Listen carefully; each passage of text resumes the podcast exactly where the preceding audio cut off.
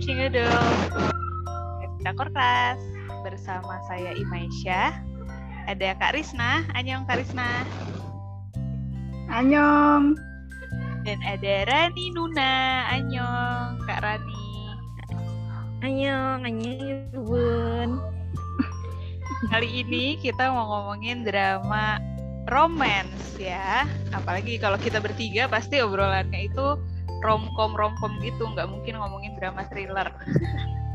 Yang baru aja tamat yaitu Our Beloved Summer. Ayo siapa yang udah nonton juga atau yang belum nonton dan mau tahu spoilernya dengerin podcast kita ya. Mbak Rani dan Karisna udah nonton sampai tamat? Udah. Udah. gimana kesannya nih? Ayo Rani Nuna dulu Aku tuh nonton yang bagian terakhir tuh rasanya meleleh banget bahagia gitu. Mungkin karena ini dramanya temanya ringan, tapi menurutku ya memang inilah yang diharapkan para penonton romcom.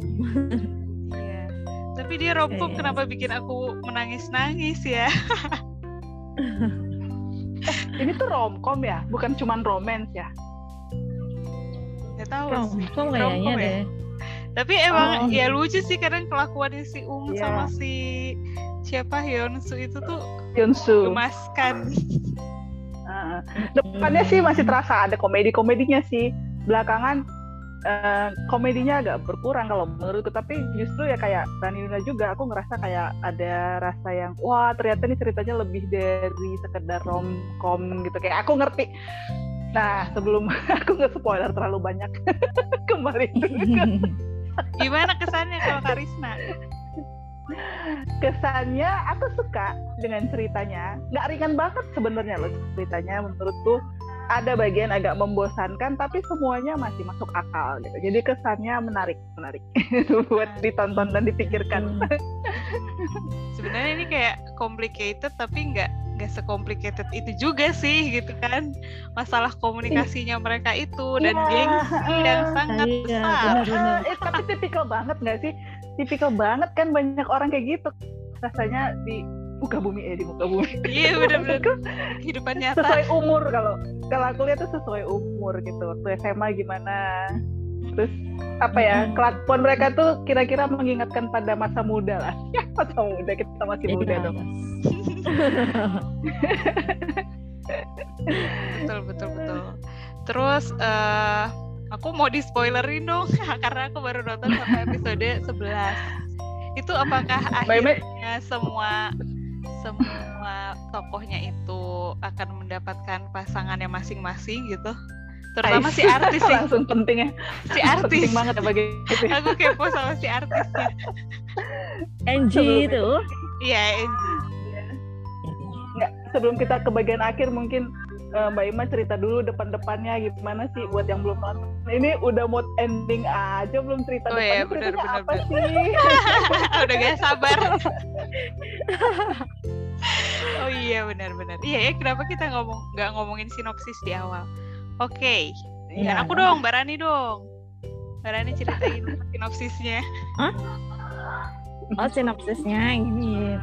Berawal dari permintaan sebuah apa ya istilahnya produsen TV ya TV itu meminta Choi Ung dan Musuh film dokumenter di mana di mana keduanya merupakan yang satu peringkat teratas dan yang satu merupakan peringkat terbawah. Nah, ternyata dalam selama dokumenter itu selama proses syuting satu bulan itu ternyata lama-lama mereka tumbuh percik-percik cinta. Nah, itu ternyata kejadian dokumenter itu terjadi saat mereka SMA dan sekarang mereka sudah dewasa. Kemudian film dokumenter itu menjadi viral dan meminta mereka untuk melakukan kembali sesi dokumenter tapi untuk edisi tahun yang sekarang kira-kira apa yang akan terjadi ya pada apakah mereka akan tetap bertengkar terus atau ada sesuatu yang yang dinanti-nantikan oleh para penonton dokumenter itu. Kira-kira begitu Kak Ima Oke. Menarik ya. Dari cerita awalnya itu juga uh, apa udah udah bikin gemes gitu loh kelakuannya tuh. Dan nggak nyangka kalau mereka bisa jadi couple ya nggak sih? Karena perbedaan karakternya. Iya, Cuma mereka sama-sama introvert sih ya, jadi kayak nyambung juga gitu. Tapi aku nggak tahu mereka tuh ngobrol ngobrolin apa gitu. karena yang satunya pinter banget, yang satunya tuh slow gitu. Nah, Tapi Karis... ternyata mereka punya satu kebiasaan yang sama loh, ya kan? Mereka sama-sama suka baca buku. Iya, iya benar. Nah, itu mungkin kan. Itu aku ya, juga gak nyangka. Orang introvert kan? Gak nyangka kalau ceritanya itu dia kan padahal peringkat terbawah ya, tapi dia senang baca buku gitu. Selain bermalas-malasan dia suka baca buku. It, it, it, itu kebalik itu kebalik pernyataannya. Nanti di episode terakhir.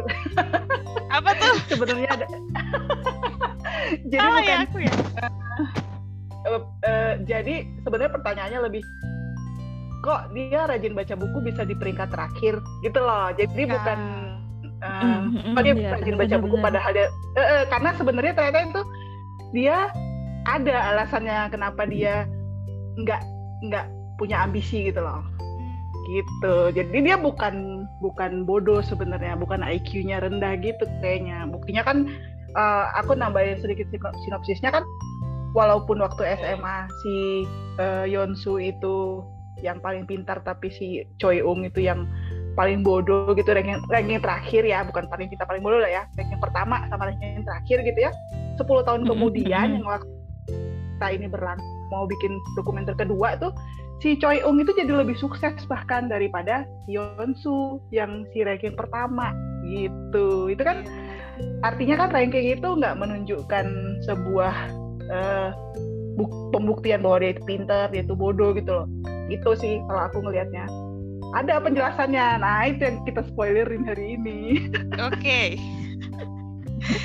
nah, terus selain iya. selain cerita tokoh utama dua orang ini, tokoh mana lagi nih yang pendampingnya yang menurut kakak-kakak ini menarik? Ya itu sih, itu kameramen eh kameramen, direktur. PD, PD Nim ya. PD Nah, Pidinim yang namanya juga Ung. Ung. kita kan ada di poster ya, udah jelas ya uh, Kim Ji Ung kita kan ada di poster ya. Terus satu lagi ya si NJ lah, si artis yang uh, udah apa suka dengan si Choi Ung. Dari tadinya awal, dia suka ya? sama gambarnya, iya dia suka sama karyanya sih tadinya, tapi terus dia mencari tahu dia ya kayak bisa nebak gitu oh ini nih pasti nih orangnya gitu karena kan ceritanya si Choi Ungnya sendiri pelukis sukses tapi awalnya dia hmm, pakai apa pakai nama apa istilahnya oh. nama lain gitu loh uh, oh itu kocak anime jadi hmm, dia nggak nggak apa nggak mau diekspos namanya tadinya sampai gara-gara Yosu lah yang bikin dia harus ke apa diketahui Ampun. orang bahwa oh ini ternyata pelukis yang terkenal itu gitu. Jadi ya karyanya udah terkenal sebenarnya. Orangnya ya, anonim bener. gitu selama ini gitu. Nah kalau, terus apa lagi? Kalau aku sendiri lebih suka itu Karisma ke toko itu loh asistennya Go Cakanim Iya, sisanya sama si sama sahabatnya si Yonsu. Ya, itu juga iya. ada. Itu itu lucu tuh yang, yang sahabatnya kan punya apa sih kafe ya atau bar istilahnya. Kedai. Nah, kedai. Nah, yang itu itu juga menarik itu uh, perkembangannya buat diperhatikan. Dan kupikir si AJ itu bakal nyebelin dia dia baik kan ya sebenarnya. Sampai akhir dia apakah akan tetap baik? Iya, iya dia baik. Menurutku tetap baik ya sampai akhir nggak nggak pengen menjatuhkan. Dia kan pernah ada di satu episode yang bilang gini, sebetulnya aku pengen bilang ini iya, iya, iya. menjatuhkanmu. Nah itu aku kan baru aku baru ya, nonton karena... itu mbak. iya. Yang baik kok si Angie itu. Kan. Kayaknya kayaknya si Angie itu punya hmm. punya apa sih punya latar belakang yang sama juga kali ya dengan si Choi Ung ini. Maksudnya mereka tuh kayak orang-orang introvert yang sebenarnya kesepian yeah. gitu loh. Ya kan ya. Hmm. Tapi mereka tetap berkarya dan karya apa ya kalau kalau si Choi Ung kan udah sukses berkarya pun dia kayak nggak mau di bawah spotlight. Kalau si Angie berhubungnya dia penyanyi eh Ya, penyanyi. penyanyi kan ya. Nah, mau nggak penyanyi. mau kan dia harus harus ketahuan ya gitu dan dan ya tapi dia jadinya kayak eh, di apa banyak hatersnya juga kayaknya ya si Angie itu. Padahal dia Ya, itu baik kayak dia cuma dia suka itu kasihan banget. ya. kehidupan kehidupan idol gitu ya kalau di Ah, ah, dia iya. gimana terus kalau lagi di Iya. dia lagi pergi ke mana terus tahu-tahu ada yang foto diem-diem gitu kan. Iya, ya kayak gitu tapi dia suka lempeng aja gitu sok sok cuek gitu. Padahal dia di dalamnya kayak ada perasaan enggak lah pasti lah ya nah, Iya. ada sih yang ada perasaan kayak gitu. Ya. Ya, tapi dia baik sebenarnya. Emang emang mbak Ima pengen Angie sama siapa? Ya, itu aku nggak tahu ih. Sama siapa ya? Sama itunya kali tuh. Drivernya nggak? Manajernya. Manajernya. Itu manajernya. Iya itu manajer. Bagian yang itu. Kita spoilerin aja ya bener dong itu nggak nggak apa sih nggak ditunjukin ya dia sama siapa ya tapi Hmm. eh, dia cukup menemukan comfort lah gitu. Maksudnya dia nggak nggak dalam kondisi yang eh, apa ya namanya ya. Dia juga adalah perkembangan karakternya gitu loh. Dia nggak jadi yang orang yang disebelin lagi sama fansnya gitu loh kira-kira. Tapi nggak ditunjukin kalau soal cinta apa tentang kisah cintanya sih nggak ditunjukin sama siapa gitu loh. Tapi artinya dia jadi ada perubahan gitu loh karakternya setelah kenal sama Choi Um gitu. Tapi tapi keren loh sebenarnya si Angie itu sebagai orang istilahnya dia artis gitu yang biasanya orang nelfonin dia. Eh dia harus ngejar-ngejar coy uh, ada yang lucu ya handphonenya eh ini spoiler juga nih. Dia itu itu dia nanam handphone ke dalam eh, tanaman bukan sih? Apa? Iya ya kan ada bagian yang itu gara-gara dia mau menahan diri biar nggak ini biar nggak eh, nelfonin si Choi Um handphonenya mau ditanam sama dia lucu banget Oke oke. Sekarang kita lanjut ke masalah ini nih, masa lalu. Kayaknya tuh mm, masing-masing dari tokohnya tuh punya kayak cerita inner child-nya masing-masing gitu nggak sih, Mbak Rani? Mm-mm. Ini aku Iya, belum aku belum nyampe itu sih, belum nyampe situ juga gitu nontonnya. Coba Mbak Rani tolong diceritakan. itu tapi aku yang paling jelas itu yang Choi Ung ya yang siapa yang Yeonsu tuh aku nggak tahu taunya ya paling itu toh kalau yang Choi Ung ternyata sepanjang 1 sampai 11 episode kan dia digambarkan orang yang ketak waktu kecil ketakutan ditinggal sendirian memanggil-manggil nama bapaknya ya kan waktu itu ada nah ternyata di episode yang terakhir itu dijelaskan kenapa dia punya trauma inner child seperti itu sampai tapi sebenarnya Ah. sebelum sebelum terakhir ada kan ya dijelaskan yang dia cerita sama Yonsu oh iya yang Aku lupa akhirnya tapi episode berapa. di bawah gedung tinggi itu ya Iya. penting itu penting Nah, Tapi- banget gak sih tapi itu aku ngelihatnya Yonsunya langsung hah aku nggak pernah tahu cerita itu gitu. Kira-kira kayak mungkin Oh. selama ini Yonsu ngeliat si Choi Ung itu kayak udah sempurna banget ya kehidupannya kali ya. Jadi dia ngerasa nggak apa ya nggak mau melibatkan Choi Um buat masalahnya kan gitu kan masalah iya Eh, benar-benar. putus-putusnya kan.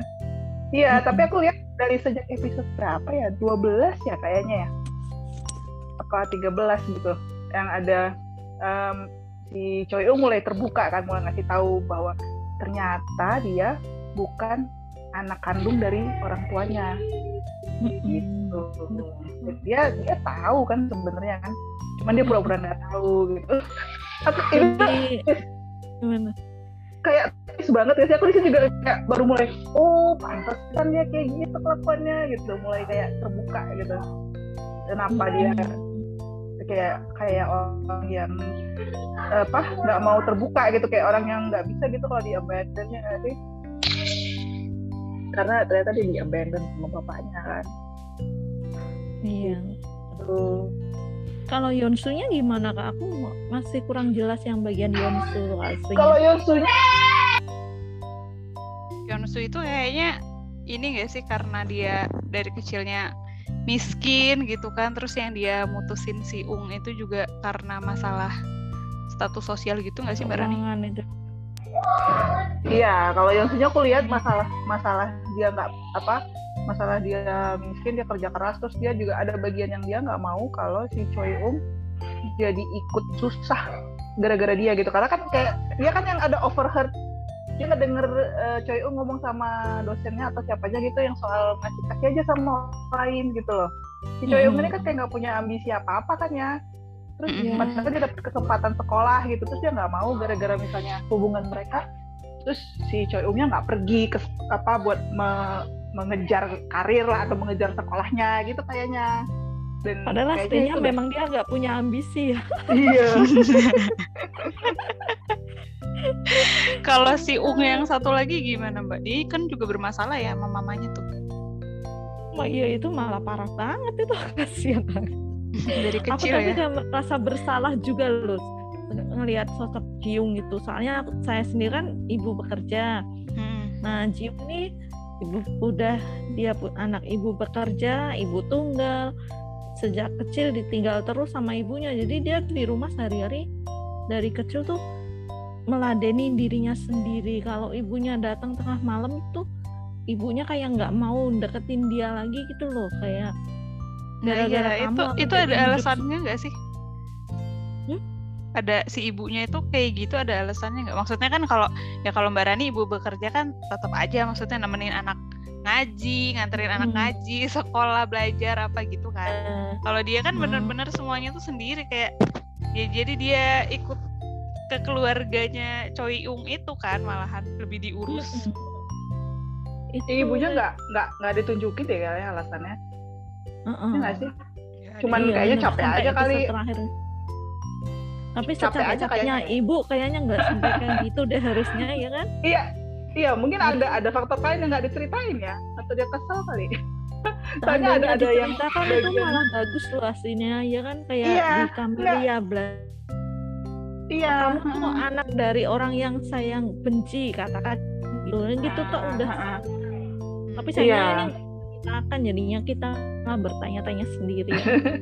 Tapi Iya. ini eh, temenku juga ada loh eh, kak yang kayak gitu. Maksudnya dia orang tuanya kerja gitu ya. Jadi waktu kecil tuh dia sama pembantunya gitu lah ya istilahnya diasuh sama pengasuhnya. Terus orang tuanya tuh nggak hadir gitu. Biarpun pulang ke rumah nggak yang berbulan-bulan pulang ke rumah kalau si ibunya Ung itu kan kayak gitu ya ibunya Ji Ung mm-mm. berbulan-bulan pulang ke rumah. Nah kalau temanku tuh enggak, ibunya pulang setiap hari, bapaknya setiap hari pulang. Cuman memang tidak hadir untuk anaknya dan pas gede itu ketika nggak tahu ya kalau udah udah selesai kerja, maksudnya udah pensiun apa gimana gitu, pengennya deket-deket anak, itu anaknya udah nggak mau gitu.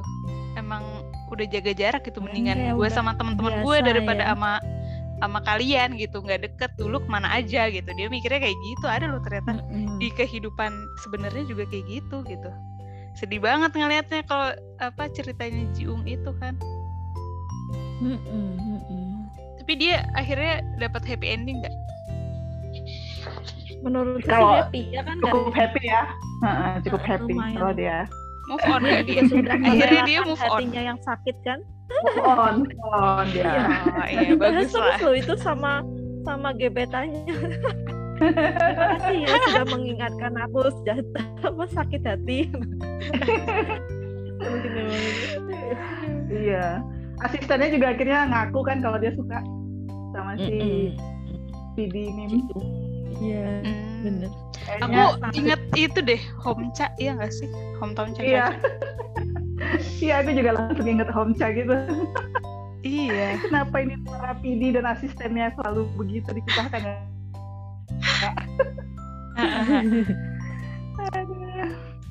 Lalu lalu lalu. Ya kalau yang si si Mm-mm. itu ya Ka- kalau yang itu ibunya bahkan nggak ada. Dia dia practically raise himself gitu. Terus dia ke compare misalnya sama ada temennya nggak punya bapak juga nih.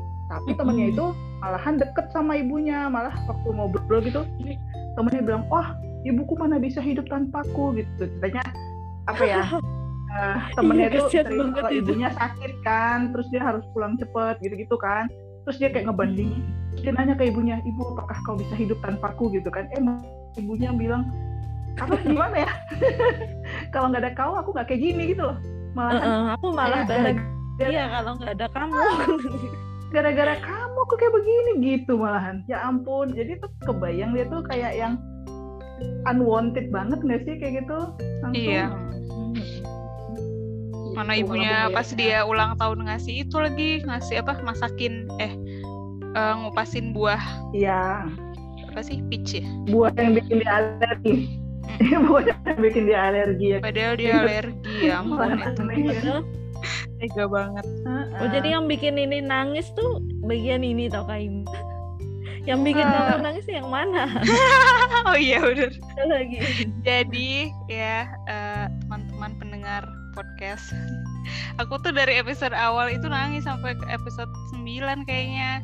Itu lagi makan mie aja terus aku ngeliat Yonsu, terus kalau nggak si Ung itu aku nangis. Lemah banget ya.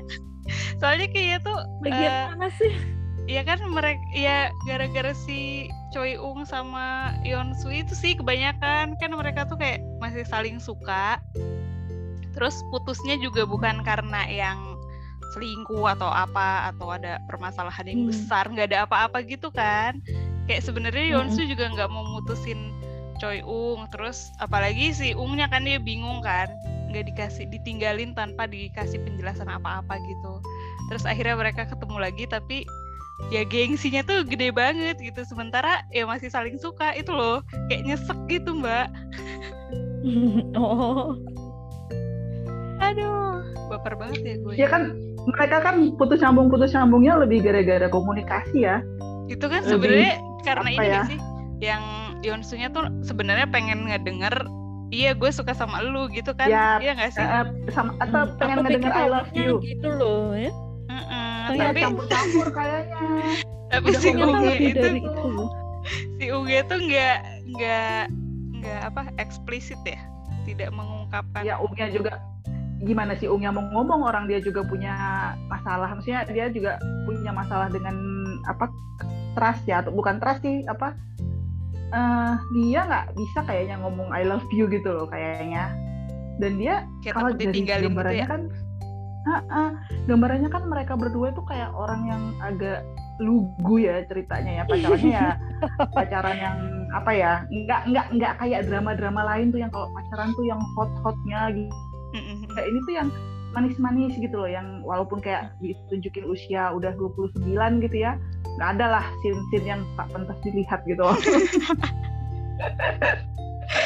ya ada banyak ada banyak eh, ciuman-ciuman manis gitu ya tapi semuanya tuh sopan gitu loh terasa masih kayak Hmm, ya wajar lah kalau kalau mereka nggak nggak ada affection malah aneh kan. Jadi mereka memang kayak dua orang aneh gitu loh. Yang satunya ya bisa bisa menyibukkan diri bekerja yang eh dua-duanya sih tepatnya. Dua-duanya tuh bisa menyibukkan Hmm. diri bekerja gitu loh. Tapi kalau lagi bucin tuh bucin banget gitu. Iya benar yang sok tegar enggak aku nggak apa-apa. Terus di belakang nangis nangis wah, wah. ya iya itu kan Iya. nyesek. banget itu kak gara-gara aku makan gengsi tuh makan tuh gengsi. Iya jadi tapi mereka tapi kadang-kadang masalahnya komunikasi kan si Choi iya. Agak lamban gitu kayak nggak nggak tanggap kan bahkan dia nggak tahu kalau orang pacaran tuh kayak gimana sih gitu. Si Yonsunya juga sama aja nggak tahu kalau pacaran tuh orang kayak gimana sih gitu misalnya. Jadi ya gitu terus Yonsunya juga tipe yang pengennya eh, kalau aku begini gimana? Kayak kebanyakan overthinking gitu loh iya Mm-mm. heeh, iya bener. Dia baca mikirnya udah ke mana-mana. Aku harus begini. Heeh, kebanyakan baca artikel tapi udah gitu nggak bisa implementasi. Terus jadi memang kayaknya ya apa kayak childish ya mereka diceritakan ya dan. Masih kayak waktu mereka ketemu setelah umur 29 pun kelakuan mereka tuh masih kayak umur waktu SMA gitu loh. 18 ya oh, benar Heeh, pertama kali ketemu tapi- langsung disemprot air itu kan latihannya 50 kali. Iya. Walaupun sebenarnya ta- ta- tapi tau nggak tadinya ya aku gini ide ceritanya tuh kayak yang ada gitu orang eh, udah pacaran lima tahun lima tahun pisah ketemu lagi masih langsung kayak eh, masih mau balik lagi gitu loh. Kalau kita nggak tahu storynya gitu ya kan kesannya kayak masa sih udah pernah pacaran lima tahun? Putus lima tahun nggak ada kabar berita balik lagi gitu nggak mungkin banget gitu kan. Tadinya gue awalnya awalnya agak aku juga kayak gitu kayak apa sih gitu Hmm. masa sih gitu kan. Iya kayak ah ini, jangan kayak AADC deh Ci. ADC session 2 tapi ternyata bukan gitu. Gitu ceritanya mereka nggak dewasa sih waktu itu gitu ceritanya Bah- dewasa itu bukan dalam arti ya. adegan dewasa ya tapi cara berpikir. Nah, jadi kayak anak-anak terperangkap di badan orang dewasa gitu loh mereka itu iya untuk hal cinta. Gitu. Jadi mbak Emma mau di spoiler apa lagi oh soal si Choi Ung ya tadi udah ya cerita udah diceritain ya alasan kenapa dia jadi eh, apa jadi nggak nggak bisa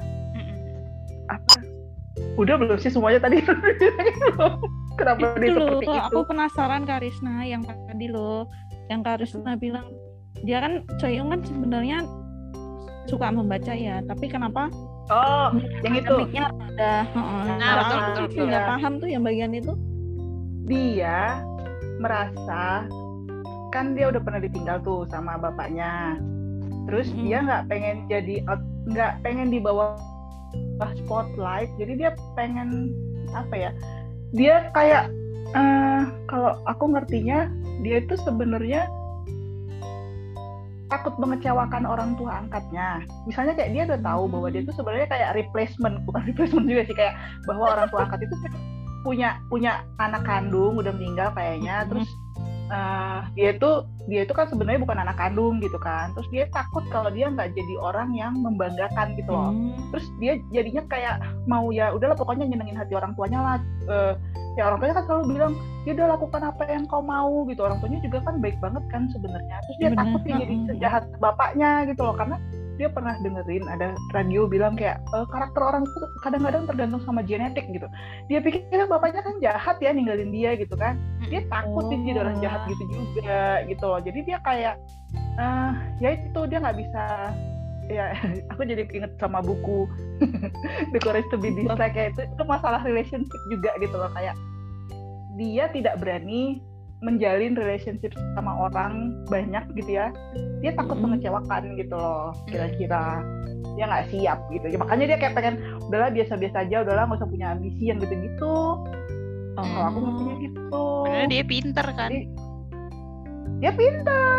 Dia dia banyak baca ya dia pinter sebenarnya. Cuman dia kayak udahlah biarin aja. Kalau aku biasa-biasa aja kan eh, nggak ada di bawah spotlight ya mudah-mudahan orang tuaku juga nggak melihat aku aneh-aneh. Mungkin gitu kali ya Iya, dia nggak ditinggalkan dan ya. dia juga nggak meninggalkan Iya, yang karena nggak punya ambisi gitu kan. iya yang penting keadaan nggak berubah gitu. Dia takut banget.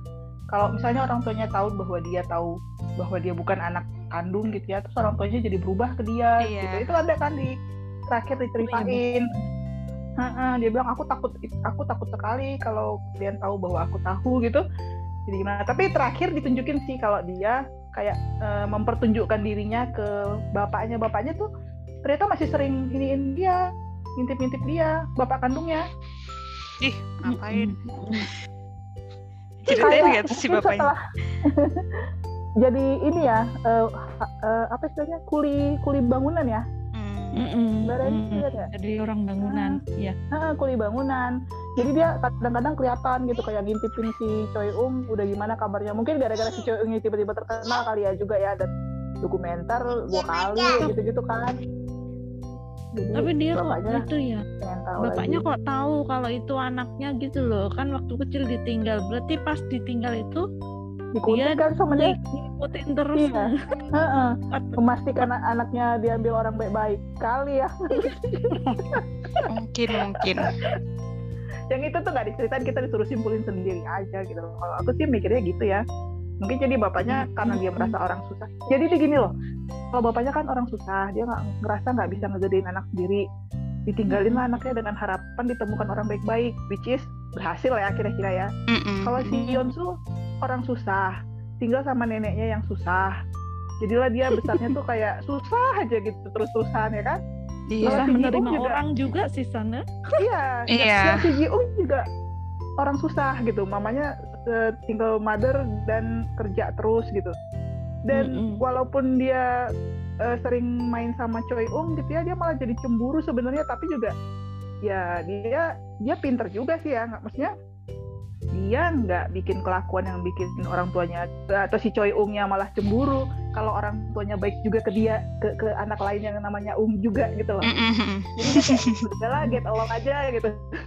Jadi itu kisah tiga anak yang masa kecilnya tuh sebenarnya susah gitu loh semuanya pada tapi ya beda-beda. Tapi itu pun si Choi Ungnya walaupun dapat keluarga yang kayaknya baik-baik aja dia ternyata punya itu kan Luka, masalah ya? dengan nggak berani punya ambisi yang gitu-gitu kalau aku sih gitu.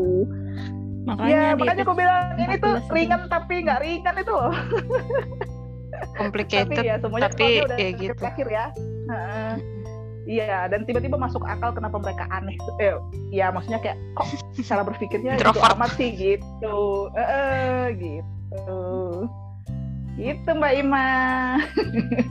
Okay. Kita habis-habisan deh pokoknya. Kalau yang paling berkesan nih apa nih? Episode atau adegan yang paling berkesan buat Karis nama Mbak Rani? Apa ya? Kok aku jadi lupa? Kayaknya semua berkesannya Karis ya. berkesan. Ada bagian juga yang itu aku bilang lucu. Mereka yang kejar-kejaran di perpustakaan gitu-gitu. Terus kalau kayak yang uh, tiba-tiba hujan yang gitu-gitu. Nah, iya itu. Tadinya tadinya aku khawatir loh sama judul drama ini kan ada cuaca-cuacanya. Biasanya aku kan nggak cocok ya sama drama yang ada judulnya cuaca. Gitu. aku udah khawatir ini set ending lah gimana lah soalnya kan udah putus nyambung berapa kali gitu kan kayaknya kalau dikasih happy ending kok gimana banget gitu kan tapi ternyata aku suka sih dengan semuanya gitu. Dan ya lucu mereka keren sih mereka bisa jadi anak SMA bisa juga jadi orang yang udah sukses gitu loh. Jadi oh, iya benar wajahnya kayak uh, di uh, wajahnya itu bisa berubah berubah gitu. Kelihatan cocok gitu loh. Si si Yonsunya Kim Kim Dami ya itu ya kalau saya yeah. sama si siapa? Choi Choi Ung siapa pemainnya Choi Wusik ah, Choi Wusiknya bisa. Mereka kelihatan jadi anak SMA cocok pasti jadi orang dewasa yang sukses juga cocok. Gitu. Jadi berkesan lah semuanya hampir. Yang bikin Barani Barani Iya, kayaknya sama sama Karisna. Setiap episode aku menikmati dengan seksama. Oh, ini jadi begini, ini jadi gitu. Kayaknya nggak ada sesuatu yang nggak berkesan dari drama. Bahkan saat mungkin Karisna mengatakan aku nontonnya nanti nanti enggak aku malah menantikan setiap minggunya. Nggak ada yang nggak berkesan buat aku kayaknya gitu deh. Bahkan termasuk adegan yeah. yang bikin kita nangis nangis terharu itu pun berkesan juga loh. Di terutama yeah. yang akhirnya PD Kim ikut syuting dokumenter itu ya lucu iya yeah, iya yeah, itu. Terakhir si PDK menjadi narasumber, eh narasumber jadi bintang utama dokumenter cerita ya. Nah, oh iya, oke, okay, aku akan menantikan. Tapi sebenarnya aku nggak nggak nggak yang dinanti nanti, eh, bukan menunda juga sih. Kemarin aku tuh hampir ngikutin ongoing loh sampai episode 12 terus ya life happen banyak banyak hal yang aku nggak sempet nonton makanya tuh kemarin empat episode aku habisin wow. pagi-pagi langsung ayo kita podcast. Oh jadi gitu cerita iya. Sebelum move on ke nah, drama lain. sebelum ditutup berharap ada season 2 nggak? Udah cukup lah. Oh, cukup. Udah cukup ya, bahagia. kalau, kalau season 2 jadinya malah mirip itu ya penthouse kayak castle iya. nanti anak-anaknya anak-anaknya iya. sekolah terus bertengkar itu lagi. Ah kayaknya ribet. Bulat iya. Iya ya kayak drakor emang kayak gitu ya cocok kan. Ya udah 16 udah selesai. Uh, kita move on ke drama lagi lain. iya rentang rentang ceritanya tuh udah 13 tahun loh. Tentang cerita yang diceritakan. Nah itu ada bagian yang itu gak usah diceritakan ya kayaknya ya, yang dua tahunnya. Oh gitu. oh, itu gitu. biar biar biar ditonton sendiri aja lah. iya, jangan semua di spoiler dong, iya enggak? Iya. Karena uh, semua penonton gak kayak nggak kayak aku semua gitu. Penonton yang lain gak iya. kayak aku semua yang suka di spoilerin. ya gitu nonton lah aku sih aku sih rekomen nonton ini Hmm, betul betul betul hmm. Weekend weekend gak ada baru- kerjaan baru aja. sampai episode 11 ini recommended lah. Udah aku rekomendasikan ke teman-teman aku yang nanya drama apa lagi yang bagus? katanya. Iya. Oh, oh iya, aku ini eh, aku jadi inget kemarin itu kenapa ketunda nonton lanjutannya ya gara-gara aku nonton Snowdrop dan Youth of May. gara-gara Ah, itu kan Luna. ya makanya jadi setelah menonton itu banyak gitu terus kayak nggak nggak nggak ngejar yang si obes ini apa Orbital pertama baru kemarin lah akhirnya ah setelah istirahat beberapa hari baru nonton lagi gitu. Padahal ini harusnya itu loh kak perpaduan pas loh. Habis nonton Snowdrop kan kita darah tinggi kumat ya. kan? Terus habis itu nonton obes yang bikin kita senyum-senyum jadinya seimbang. Kalau nonton Ya. darah tinggi tiap hari ya bikin itu terus malah bahaya. Iya sih. Cuman kan aku tipenya gitu suka penasaran nggak berhenti makanya bahaya kan. Aduh, ya gitu Mbak Ina, Nuna, Ratni, Nuna. ada Ada lagi yang disampaikan Yang ingin ditanyakan? aku udah Oh, kayaknya Udah, udah. Kalian ada lagi yang mau spoilerin?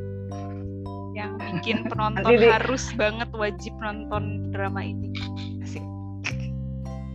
Ya kalau mau lihat aktingnya Kim Dami sama Choi Woo-sik, ya nonton lah gitu. Jadi yang versi ini, manis ini, yang- ini ini pokoknya ceritanya jadinya re- rentang ceritanya itu dari mulai cerita anak SMA sampai cerita orang kerja gitu loh.